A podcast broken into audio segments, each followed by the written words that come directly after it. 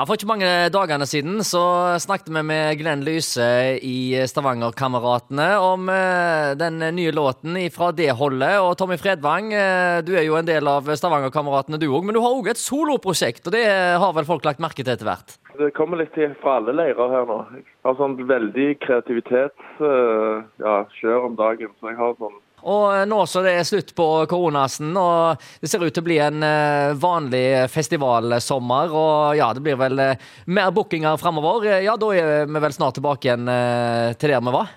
Ja, får håpe det. Det ser jeg ser det er mange som sliter litt ennå, men det, det, jeg har pratet litt med bookingbyrået vårt i forrige uke, så det, det ser lovende ut. Det ser ut som det kan bli en fin sommer, men det, det er noe annet som skjer. Så nå, ja, så lenge Putin roe seg ned litt nå, så ja. kan alt gå greit. Ja da, ja da. Du, eh, fortell litt om det nye albumet før vi snakker om eh, første singel. Ja, det nye albumet er slett eh, Jeg har gått litt eh, tilbake til oppvekst og reflekterer litt over livet som levd. Jeg skal jo bli far om en måneds tid, så det er jo sånn at det popper opp mye tanker i nøtta gjennom en sånn prosess. så jeg begynte vel på dette albumet i uh, oktober. Uh, i fjor. Og egentlig skrev jeg ferdig på tre og en halv måned. Det bare det rant ut av meg. Så jeg har gått uh, litt i sånn 80-tallssound, fordi det er jo mye av den musikken jeg vokste opp med. Så jeg har Det blir et litt sånn mer opptempo-album, men gjerne såre tekster, men litt sånn som du kan danse til. Hvordan er det med hun hjemme, da? Hvordan påvirker hun tekstene? Og, dette med å bli eh, pappa, du har jo uh, hatt uh, noen kattunger det siste året og to, så du har fått øvd deg, så du har vel fått relevant erfaring, eller?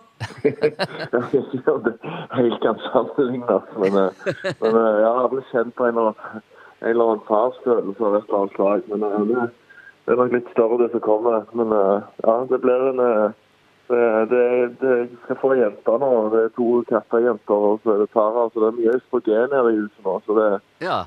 Det lille testoet som igjen hos meg kjempehardt for å overleve. Så. Ja, ja. Herlig, da. Men eh, altså, når du da samtidig eh, er aktuelle sammen med Stavanger-kameratene med nye musikk, og dere da sikkert eh, mye festivaler og greier, eh, ja, det blir jo travelt da?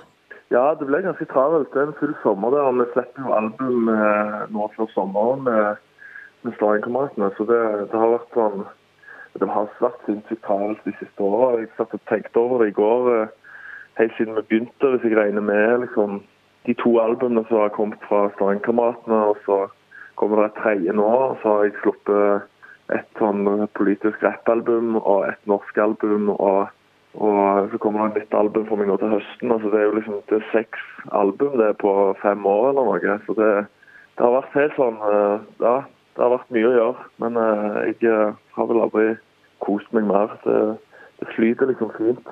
Ja. Så veldig, veldig kjekt. Du er inne i en såkalt kreativ periode. Og den eh, nye låten din, 'Det som knuser et hjerte', må du fortelle litt om da, før vi spiller den? Ja, 'Det som knuser hjertet' har jeg skrevet sammen med heter Caroline Hartung og, og Max Melby, som er i Circus. Han gjorde jeg òg ett sekund og sto i ro sammen med. Så det er en litt sånn 80s sound. Eh, ja.